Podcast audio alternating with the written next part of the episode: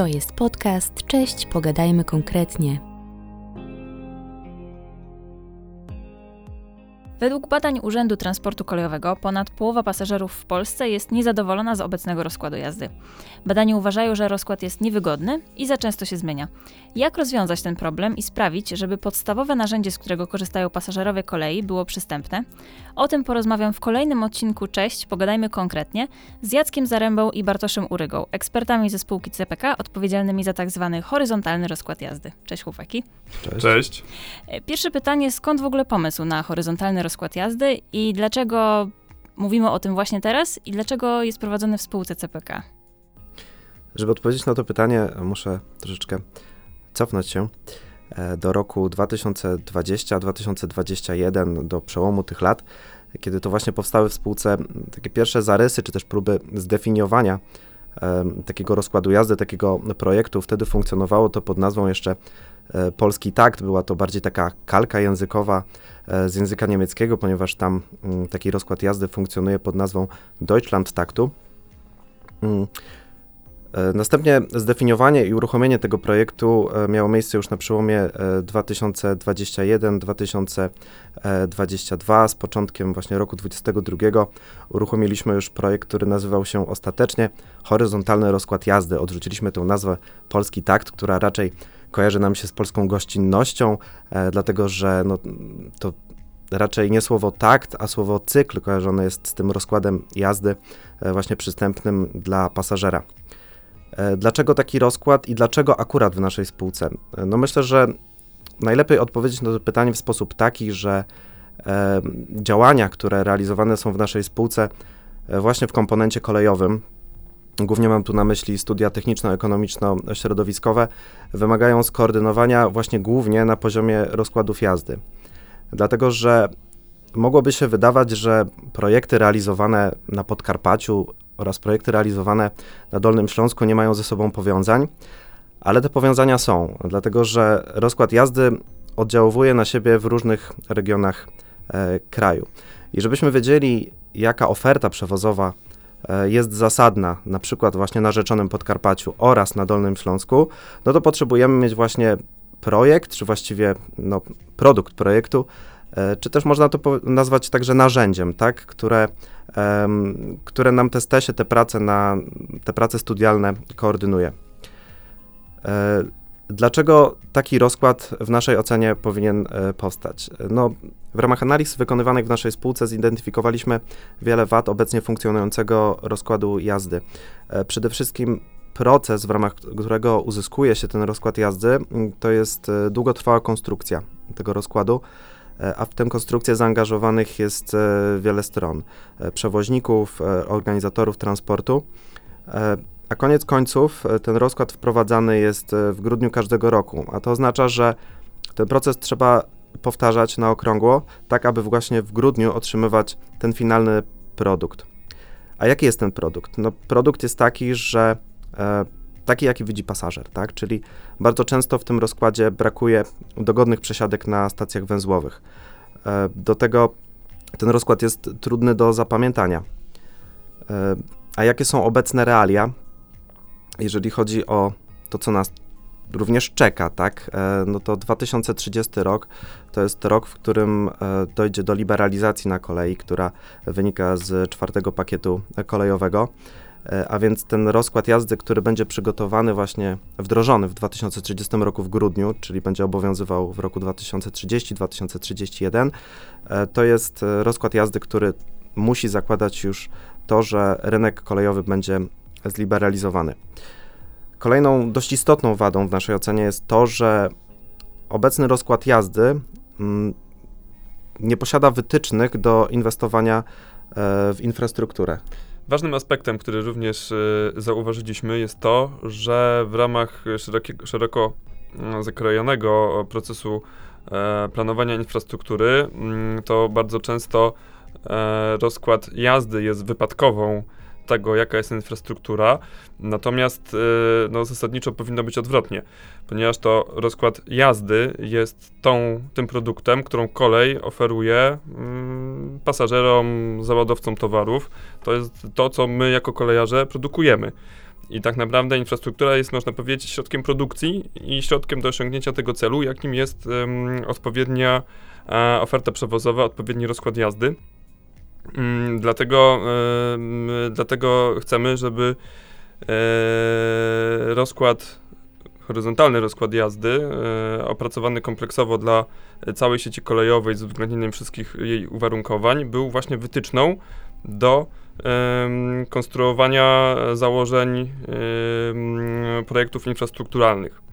Czy to dużych, czy małych, bo czasami dotyczy to E, dużych projektów liniowych, jak budowa nowej linii kolejowej, czy też modernizacja, ale czasem dotyczy to całkiem małych, ale bardzo istotnych e, aspektów, jak brak krawędzi peronowej na jakiejś stacji, brak rozjazdu, brak e, skrzyżowania bezkolizyjnego, coś, co można w relatywnie w prosty sposób mm, zrealizować, a nie kosztuje wcale dużo, a poprawia e, bardzo wiele. Mhm. Innymi słowy, to infrastruktura powinna być dostosowana do rozkładu jazdy, a nie rozkład jazdy do infrastruktury. To jest trochę kwestia sposobu myślenia. Przynajmniej ja to tak widzę. W takim sensie, że, no, że to nie my działamy na tym zastanym systemie, tylko że chcemy w ogóle jakby odwrócić tą zależność, tak? Dokładnie tak. Y, I to y, nawet od jakiegoś czasu w nowych projektach inwestycyjnych realizowanych w Polsce jest wdrażane, ale właśnie w sposób mm, korytarzowy i wycinkowy, bo każde studium wykonalności y, czy nawet STEŚ widzi tylko i wyłącznie fragment, dla którego jest robiony, tak? Widzi parametry, widzi rozkład jazdy, natomiast tak jak powiedział wcześniej Jacek, to wszystko współpracuje w sposób sieciowy i to w jaki sposób o której godzinie odjedzie pociąg z Wrocławia i przyjedzie do Warszawy, wpływa na pociąg, który wyjeżdża z Warszawy i jedzie na przykład do Rzeszowa.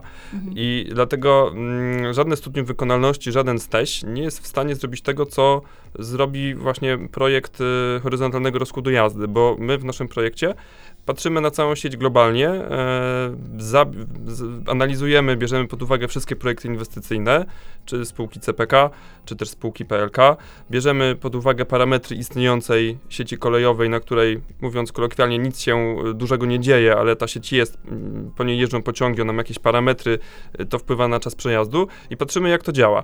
Jeżeli coś nie działa, w sensie nie możemy uzyskać skomunikowania, pociąg jedzie trochę za wolno albo nawet za szybko, to y, jest to dla nas y, przesłanka, która albo um, powoduje, że powinniśmy ten pociąg trochę inaczej ułożyć w rozkładzie jazdy, albo też odwrotnie za, zapoczątkować jakieś działanie e, infrastrukturalne.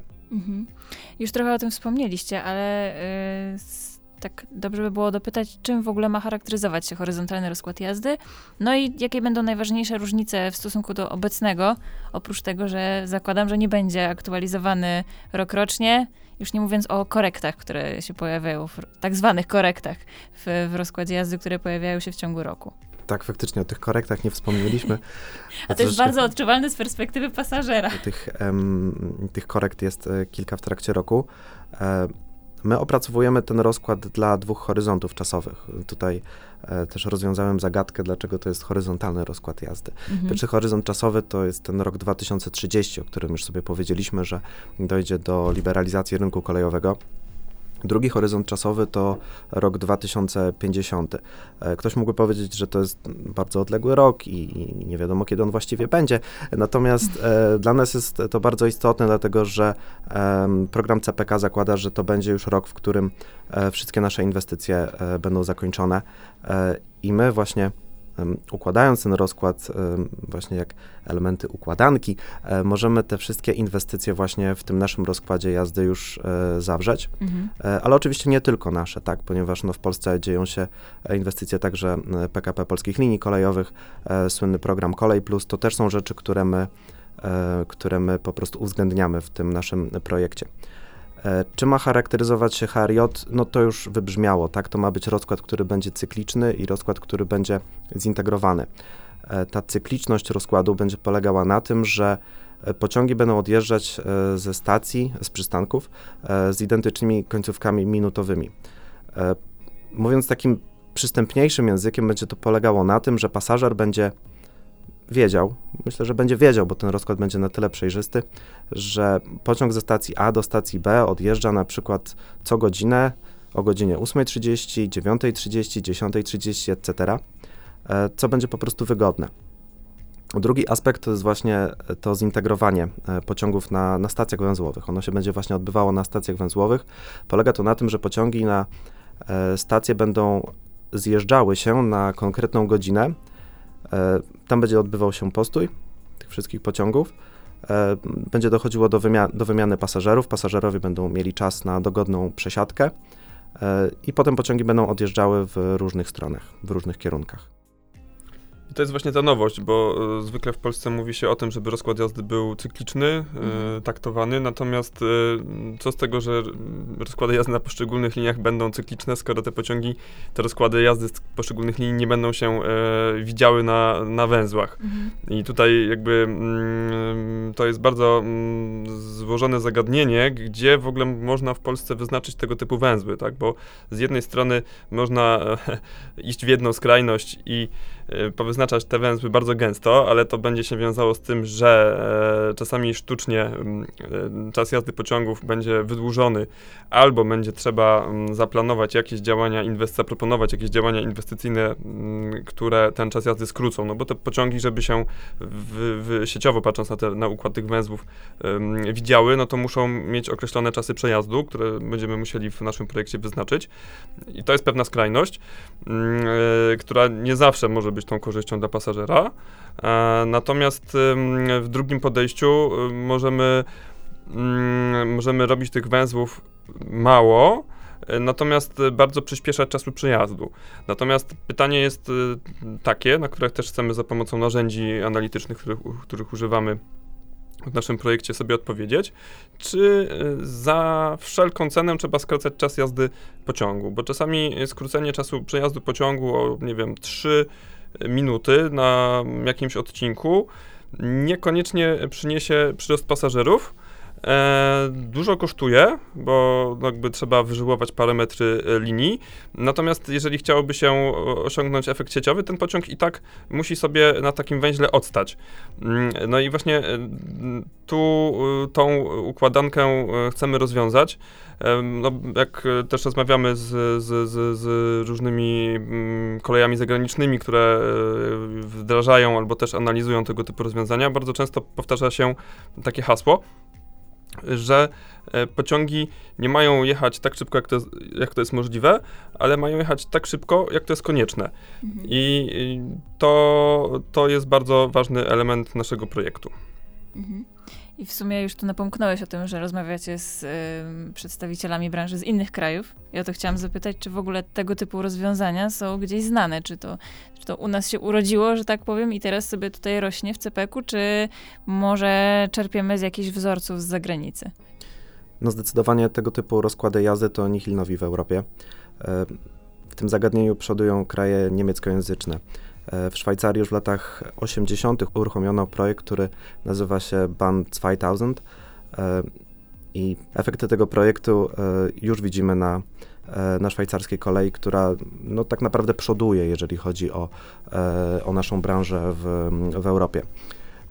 Niemcy, kolejny ważny przykład. W Niemczech opracowano projekt, o którym już wspominałem, nazywa się Deutschland Takt. Mhm. Deutschland Takt dla wielu jest wyznacznikiem. To jest naprawdę obszerne opracowanie, w którym naprawdę głęboko e, Niemcy weszli w, w zagadnienie właśnie analiz e, ruchu kolejowego, zarówno w zakresie mm, całego, e, całego kraju, jak i poszczególnych landów. No jeżeli już powiedziałem, że to są kraje niemieckojęzyczne, no to muszę również napomknąć, że w Austrii również funkcjonuje zintegrowany cykliczny rozkład jazdy. No ale kraje, z którymi my rozmawiamy, z którymi współpracujemy, no to oczywiście są nasi południowi sąsiedzi. E, Czesi analogiczny rozkład jazdy opracowali również dla roku 2050, e, co myślę, że potwierdza moje słowa, że e, to nie jest tak, że opracowujemy rozkład jazdy dla jakiegoś odległego roku. Nie, Czesi również myślą właśnie o, o tym zagadnieniu w tym horyzoncie czasowym. No i przykład Słowacji, która w zeszłym roku opracowała opracowała plan pasażerskiej obsługi transportowej a takim kluczowym produktem tego, tego opracowania jest grafikon w lakowej doprawi, czyli właśnie zintegrowany cykliczny rozkład jazdy. Słowacy ten rozkład jazdy opracowali dla roku 2030, natomiast takie pierwsze efekty, wnioski zostały już zawarte w obecnie funkcjonującym rozkładzie jazdy, który e, wszedł e, do obowiązywania e, w grudniu 2022. Mhm. Przy czym my nie chcemy bezmyślnie kopiować rozwiązań zagranicznych, bo, bo każdy z tych krajów, każdy z tych projektów ma swoje, swoje własne uwarunkowania. Przykładowo o Deutschland Takcie mówi się dość krytycznie w kontekście właśnie zmuszania e, trochę przewoźników, regiona- przewoźników, organizatorów regionalnych e, do tego, żeby podjeżdżały te pociągi regionalne pod, pod ten ruch dalekobieżny mm, I, i w Niemczech jest taka dyskusja e, prowadzona. Z kolei no, Szwajcaria no, też ma dość specyficzny system organizacji przewozów. E, no też, te, też mówi się, że ten rozkład jazdy szwajcarski jest nie do końca podatny na chociażby kwestię komercjalizacji, liberalizacji, która czeka nas tutaj w związku z czwartym pakietem kolejowym.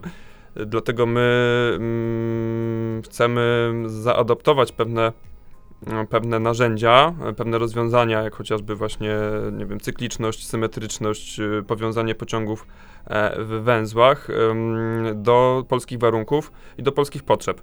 Dlatego też y, w ramach naszych prac rozmawiamy chociażby z ekspertami z polskich linii kolejowych czy z, z PKP Intercity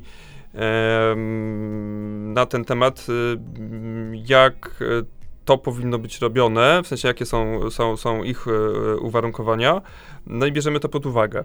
A w ogóle w jaki sposób jest konstruowany ten HRJ, tak technicznie? Hmm, czy w ogóle HRJ e, no, to jest takie mm, pojemne hasło, mhm. natomiast na to składa się kilka, e, kilka takich elementów um, idących od ogółu do szczegółu. No bo z jednej strony naszym finalnym produktem ma być e, propozycja rozkładu jazdy. Tak? Rozkład jazdy, no może większość z Was, ze słuchaczy, e, ma doświadczenie z rozkładem jazdy, że widzi właśnie jakby konkretne godziny, konkretne minutki, czy to w aplikacji, e, czy też gdzieś tam na jakimś plakatowym rozkładzie jazdy albo jakimś wyświetlaczu. Natomiast z punktu widzenia mm, nas, inżynierów ruchu kolejowego, rozkład jazdy to jest przede wszystkim wykres ruchu, tak? Czyli my tworząc te minutki wyjściowe, które są produktem, układamy na wykresie droga-czas mm, trasy pociągów. I te trasy pociągów y, no, trzeba ze sobą w odpowiedni sposób skoordynować. Y, powstają, y, po, po, po, są, są specjalne zasady konstrukcji, są specjalne, specjalne oprogramowanie, które to, to wspiera. O tym zaraz pewnie też powiemy. Yy, natomiast yy, efektem tego jest właśnie wykres ruchu albo tak zwany netgraph, czyli schemat godzinowy yy, wykorzystania przepustowości. No ale z drugiej strony, żeby wiedzieć, jak te pociągi układać na wykresie ruchu, musimy wiedzieć w ogóle, jakie pociągi są potrzebne. E, jak one mają jeździć, skąd dokąd, w jakiej częstotliwości, jakie mieć, jakie te, gdzie te pociągi się powinny zatrzymywać, wreszcie jaką powinny mieć pojemność. E, a zatem jak pojemność, to jakim taborem powinny być obsługiwane, bo no nie wiem, skład ED250, czyli popularne mm, e, w Polsce Pendolino, ma zupełnie inne czasy przejazdu niż na przykład Flirt e, czy Dart. Więc jeszcze wcześniej musimy odpowiedzieć sobie na pytanie, jak poukładać, my to nazywamy liniami komunikacyjnymi, może bardziej zrozumiałe będzie relacja pociągu, jak poukładać te relacje pociągów, te linie komunikacyjne w całej Polsce, żeby to odpowiadało na potrzeby popytowe. Eee, tutaj jakby mm, wykorzystujemy pasażerski model transportowy do tego, żeby testować, testować właśnie te, układ tych linii komunikacyjnych. E, patrzymy w tych horyzontach prognostycznych przede wszystkim właśnie w roku 2050 e, jak one się obciążają pasażerami, jak te pociągi są wypełnione, no bo kolej generalnie jest, jest środkiem masowej komunikacji. Więc no generalnie te pociągi powinny mieć dość dobre wypełnienia. Nie chcemy, żeby jeździły puste, mm, bo system wtedy będzie drogi. Mm, to jest proces iteracyjny, bo mm, jakby bazując oczywiście wyjściowo w tej zerowej, w tej pierwszej iteracji y, na jakimś schemacie, który był oparty o, o więźbę ruchu, no nie zawsze nie, nie, no, ekspercko układając się, mówiąc kolokwialnie, nie trafi w to, że te linie będą do, dobrze pracowały, dlatego w wielu iteracjach musimy patrzeć w modelu, w pasażerskim modelu transportowym, jakie są wyniki tych symulacji. Przepraszam, że ci przerwę w iteracjach. To znaczy? E, iteracjach, e, mhm. no czyli mm, jakby kolejnych, e, Etapach? kolejnych wersjach okay. naszego produktu, tak? Okay. Bo zaczynamy, układając linie komunikacyjne, wyszliśmy od czegoś, co się fachowo nazywa wiedźmą ruchu, mhm. czyli, mm, czyli jakby liczbie podróży, które się odbywają między miastami, tak? Mhm. Jakby z różnych modeli, z, bazujących też na stanie istniejącym, ale też na, na przede wszystkim na prognozie ruchu, wiemy e, skąd, między jakimi miastami tych podróży będzie najwięcej, tak? I jakby e, próbujemy tak e, stworzyć linie komunikacyjne, żeby one wpisały się w te najbardziej e, obciążone kierunki, no bo to zapewnia nam to, żeby te pociągi były po prostu obciążone pasażerami. Mm, I każda iteracja to jest jakiś test e, tego układu. Widzimy, co wychodzi, widzimy, co jest dobre, co jest złe. Wprowadzamy pewne poprawki. E, znowu testujemy i tak aż do osiągnięcia zadowalającego efektu. Ta iteracyjność polega na tym, że my tak naprawdę za każdym razem otrzymujemy już rozkład jazdy. Mhm. A z każdą kolejną iteracją przybliżamy się do tego, żeby rozkład jazdy, który skonstruujemy, odpowiadał tym naszym wygórowanym, można powiedzieć, e, potrzebom i żeby posiadał te wszystkie cechy, o których wcześniej sobie e, powiedzieliśmy. Mhm. Dlatego my tak naprawdę jesteśmy teraz w środku m, czasu trwania tego projektu, ale my, roz, ro, my, ten rozkład już mamy, tak? Tylko no tak. z każdą kolejną iteracją go ulepszamy, usprawniamy. Mhm. I to jest, myślę, zaleta właśnie prowadzenia prac analitycznych e, w ten sposób. Natomiast y, myślę, że warto tutaj dopowiedzieć, ponieważ Bartek powołał się na pasażerski model transportowy. Mm, ja też chciałbym podkreślić, że e, ważnym narzędziem, które wykorzystujemy, jest także e, model mikrosymulacyjny analityczny. E, I myślę, że to jest takie fajne podsumowanie tego, że HRJ nie tylko integruje ze sobą te projekty liniowe, projekty inwestycyjne, które mamy. Tutaj nawiązuję do tego, o czym mówiłem, powołując się na STESie, E, na studia techniczno-ekonomiczno-środowiskowe, e, HRJ tak naprawdę integruje też wiedzę, którą, e, która została zawarta w tych naszych projektach analitycznych, jakimi właśnie są te dwa modele, PMT i MMA. To jeszcze warto wyjaśnić naszym słuchaczom, czym jest właśnie ten model MMA, model mikrosymulacyjny. Czy generalnie, żeby zrobić w sposób dokładny rozkład jazdy, potrzeba policzyć dwie rzeczy. Czas jazdy pociągu i przepustowość linii kolejowej. I mm, jakby mm, w, powiedzmy w produkcyjnych rozkładach jazdy w polskich liniach kolejowych do tego służy specjalny system e, zwany systemem konstrukcji rozkładu jazdy. Tam są w nim zawarte wszystkie mm, elementy związane z opisem sieci kolejowej, ale też fizyką e, ruchu pociągów, charakterystyki e, trakcyjne, e, lokomotyw, e, elektrycznych zespołów trakcyjnych i my w spółce CPK też mamy takie narzędzie.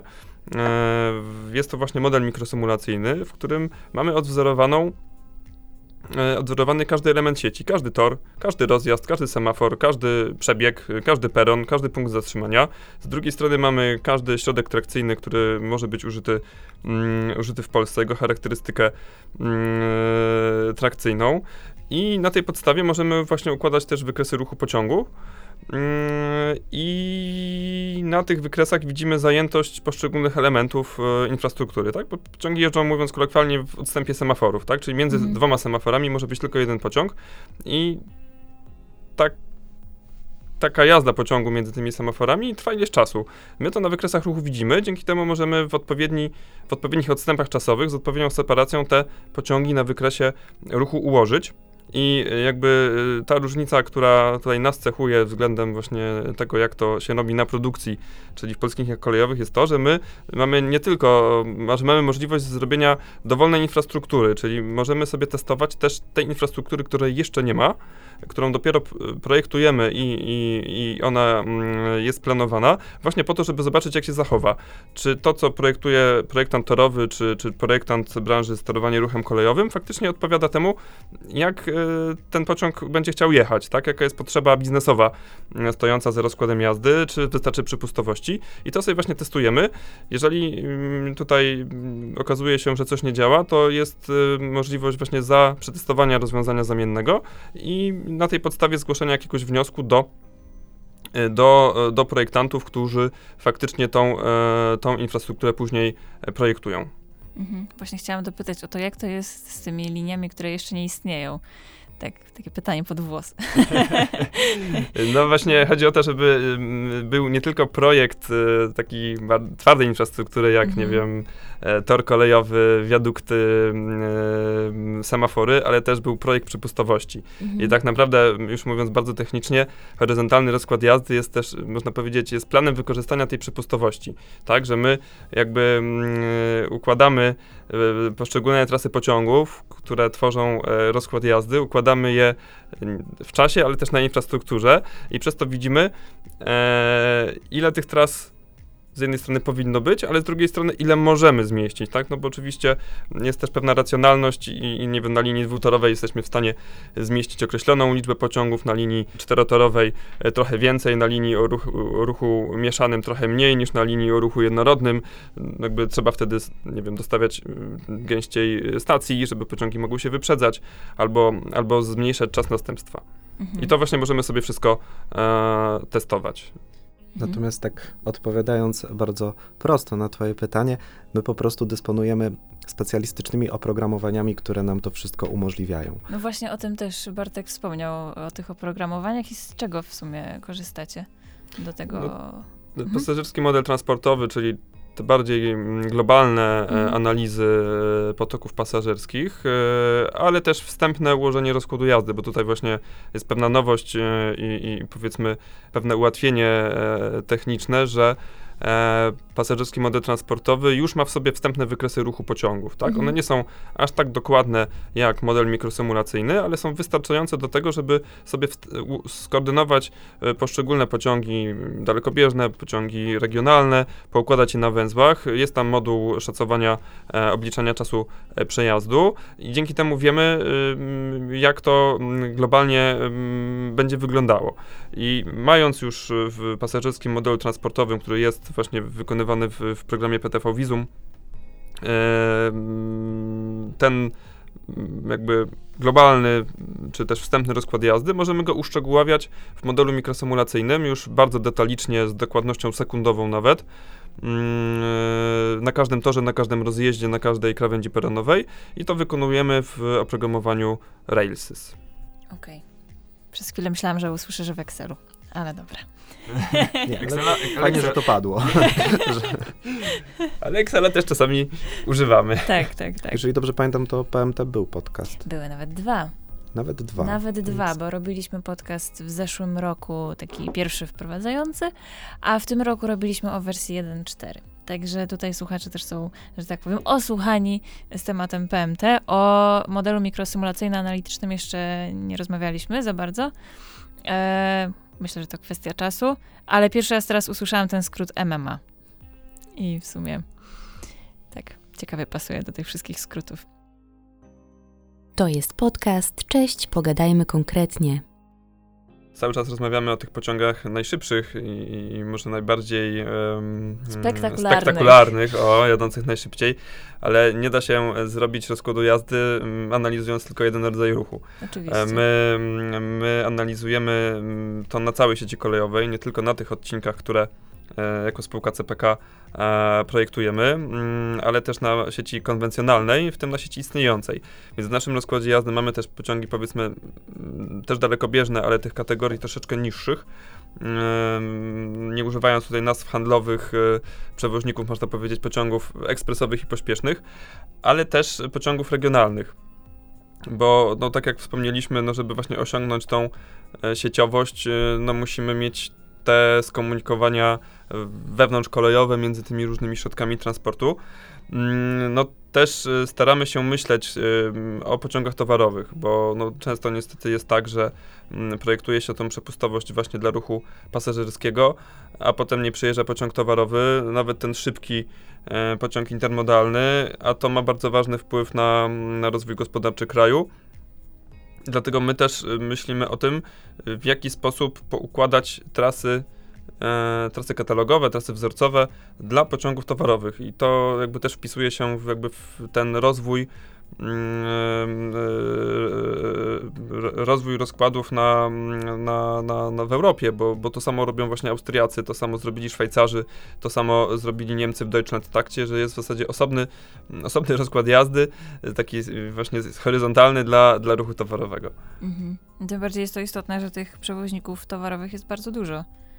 Z tak, tego, wiem. mamy bardzo dobry, tak. dobry przykład właśnie liberalizacji e, rynku, jeżeli chodzi o ruch towarowy i oni też chcieliby no, jechać szybko, tak, no bo to mhm. bardzo no, często słyszę takie hasło, no to pociąg towarowy to pojedzie w nocy. E, jest to jedna z rzeczy, która mocniej mnie wkurza, bo no, no pociąg towarowy no, też ma swój biznesplan, tak, mhm. E, z jednej strony chcemy, żeby tych pociągów było dużo na naszej sieci, ale jakby nie, nie, nie, nie zawsze chcemy im zaoferować odpowiedni odpowiedni produkt e, w postaci przepustowości. Tak? Produktem zarządcy infrastruktury jest przepustowość, mm, e, dlatego no, powinniśmy tej przepustowości szukać przez cały dzień i, i, i generalnie na takich wiodących e, ciągach towarowych, no to takie trasy towarowe powinny być powyznaczane no minimum jedna para tras w godzinie, tak? Co zresztą mm. też jakby wpisuje się w propozycję chociażby aktualizacji rozporządzenia o sieci TENT, gdzie tam no, taki wymóg dla sieci tentowej mm, no, będzie, wkró- będzie prawdopodobnie wkrótce wpisany wprost. Mhm. E, niedawno zaprezentowaliśmy jako spółka e, schematy oferty przewozowej do 2050 roku w dwóch scenariuszach. I czy możecie powiedzieć mniej więcej, czym te scenariusze się charakteryzują i czym się od siebie różnią przede wszystkim? Tak, scenariusze są dwa. E, nazwane umownie scenariuszem bezpośrednim i scenariuszem przesiadkowym. No, te nazwy nie do końca może mm, e, odzwierciedlają wszystkie, wszystkie mm, cechy tych dwóch e, ofert, dwóch scenariuszy, ale w skrócie mm, oferta bezpośrednia to jest w zasadzie kontynuacja takiej tendencji, którą w ruchu dalekobieżnym mamy dzisiaj, czyli linie komunikacyjne, relacje pociągów, gdzie każdy taki pociąg kursuje w częstotliwości 4-godzinnej. Czasami częstszej oczywiście, ale zasadniczo mm, tym, tym podstawowym modułem są 4 godziny. Jakby plusem e, jest to, że dzięki temu można stworzyć wiele różnych wariantów e, tych relacji i osiągnąć bezpośredniość między miastami, między dużą, dużą, dużą liczbą miast, tak? E, jakby co ma umożliwić jakby jazdę bez przesiadek. Natomiast no, uwarunkowaniem jest to, że te pociągi między tymi miastami kursują relatywnie rzadko, bo co, co, co 4 godziny, czasami co dwie. E, więc zasadniczo, jeżeli ktoś musi dojechać na jakąś konkretną porę, i tak będzie musiał się, e, się przesiąść po drodze. Natomiast takim mankamentem e, z punktu widzenia całego systemu jest to, że układ o dużej wariantowości linii wymusza więcej przepustowości. Całość będzie trudniejsza do koordynacji. Po to, żeby na odcinkach skoordynować cztery różne trasy pociągów, no część z nich będzie musiała po prostu trochę dłużej postać na stacji węzłowej. E, I to też nie do końca. No to, to jest pytanie, czy, czy chcemy, żeby ten pociąg stał, bo z jednej strony możemy chcieć, żeby właśnie osiągnąć tą systemowość, no ale z drugiej strony mm, możemy nie chcieć, no bo chcemy ten czas jazdy na jakichś kluczowych relacjach przyspieszać. Um, więc y, generalnie tutaj ten układ tych tras będzie trochę bardziej skomplikowany i mniejsza powtarzalność, jeżeli chodzi o to, co pasażer e, zobaczy w aplikacji z rozkładem jazdy, bo, e, bo, bo schemat, żeby dojechać ze stacji A do B, to mogą być nawet cztery różne schematy z, z przesiadkami w czterech różnych miejscach. Mm, e, rozkład przesiadkowy zakłada mniejszą wariantowość tych linii komunikacyjnych. Każda z nich będzie miała e, silną częstotliwość. Tutaj zakładamy, że w rdzeniu no, na, na, na, sieci podstawowej to nie będzie mniej niż 2 godziny. E, często co godzinę, a dla linii najszybszych, na, na, najważniejszych, e, o największych potokach nawet półgodzinną częstotliwość. Mm, co e, zapewni to, że przesiadki nie będą takie straszne, bo po prostu e, tych e, pociągów będzie dużo i one będą często, więc nawet jeżeli taka przesiadka w naszej relacji, którą, w której będziemy podróżowali, wystąpi, to ona z założenia ma być łatwa. E, tutaj jakby, ponieważ tych linii komunikacyjnych, które definiujemy jest mniej, no to e, jakby istotniejsze jest to, żeby e, wyznaczać je tam, gdzie właśnie jest ten najsilniejszy potok, mm, potok e, pasażerski, czyli żeby jak największej grupie ludzi dać tą bezpośredniość.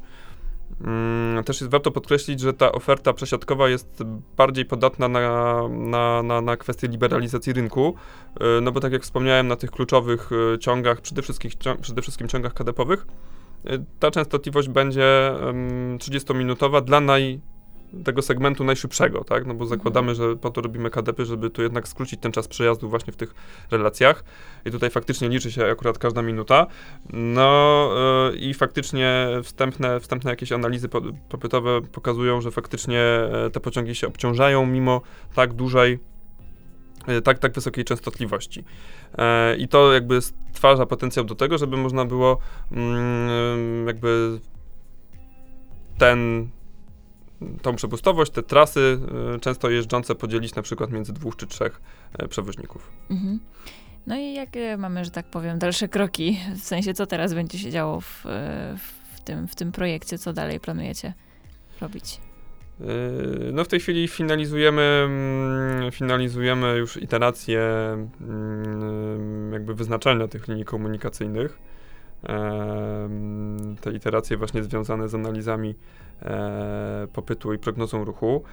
Mm, chcemy generalnie w najbliższych, y, najbliższych tygodniach zdecydować się na jedną z tych e, ofert, e, mhm. czyli albo przesiadkową, albo bezpośrednią, po to, żeby ją potem już doszlifowywać. Czyli przede wszystkim mm, koordynować już dokładniej rozkład jazdy, układać te pociągi właśnie między węzłami skomunikowań, poszukiwać tych węzłów mm, zobaczyć jak to, e, jak to wyjdzie, jakie są w ogóle możliwości e, komunikowania linii między sobą i z ruchem regionalnym. E, no a jak będziemy to mieli, no to w naturalny sposób wyjdzie nam ten produkt końcowy, którym jest ta propozycja e, rozkładu jazdy. Plan jest taki, żeby ten finalny produkt, o którym Bartek powiedział, e, był gotowy we wrześniu tego roku, tak? Mhm. Czyli będziemy już mieli ten ostateczny E, rozkład jazdy, który postanowiliśmy sobie e, opracować, skonstruować. Mhm. No to, to krótka perspektywa od dzisiaj, tak szczerze mówiąc. Mm, generalnie krótka, natomiast też pamiętajmy o tym, że, że, że to słowo ostateczny, mm, to znaczy ostateczny w pewnym, pewnym etapie projektu, nie? No mhm. bo jakby mając ten ostateczny produkt, no, będzie go można zaprezentować Mm, zaprezentować e, interesariuszom, co oczywiście nie oznacza, że ten projekt nie będzie gdzieś tam ewoluował, no bo wiadomo, że nie wiem, powstają chociażby e, nowe potrzeby przewozowe wynikające z całkiem nowych projektów, których dzisiaj nie mamy. Mm, jest kwestia etapowania tego w czasie, tak, bo Jacek wspomniał e, o dwóch skrajnych horyzontach, czyli tym, tym, tym 2030 czy też 2031 i tym 2050. No ale między nimi też coś się dzieje i mm. też y, ta sieć kolejowa będzie się zmieniała, bo będą dochodziły nowe inwestycje, y, chociażby spółki CPK lub, lub PLK. Z drugiej strony, no też przewoźnicy będą pozyskiwali no też nowy tabor, co pozwoli na taki mm, jakby ewolucyjny rozwój oferty przewozowej i jej jakby wzmacnianie w kolejnych w kolejnych latach, więc też musimy i spodziewamy się, że, że, że, że będzie potrzeba przygotowywania takich rozkładów przejściowych na takie horyzonty e, pośrednie. Mhm. Żeby to po prostu był produkt, który no, mm, jakby mógł być też wdrażalny w bliższej przyszłości niż, niż w tym roku 2050.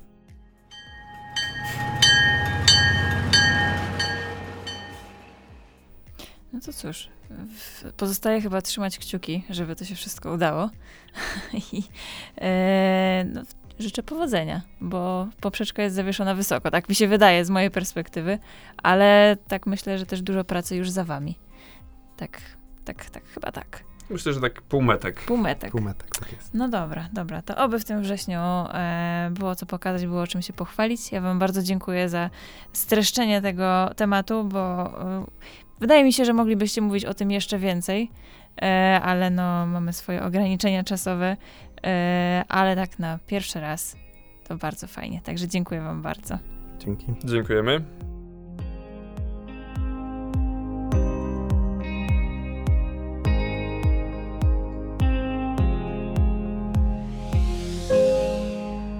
To był podcast Cześć, pogadajmy konkretnie.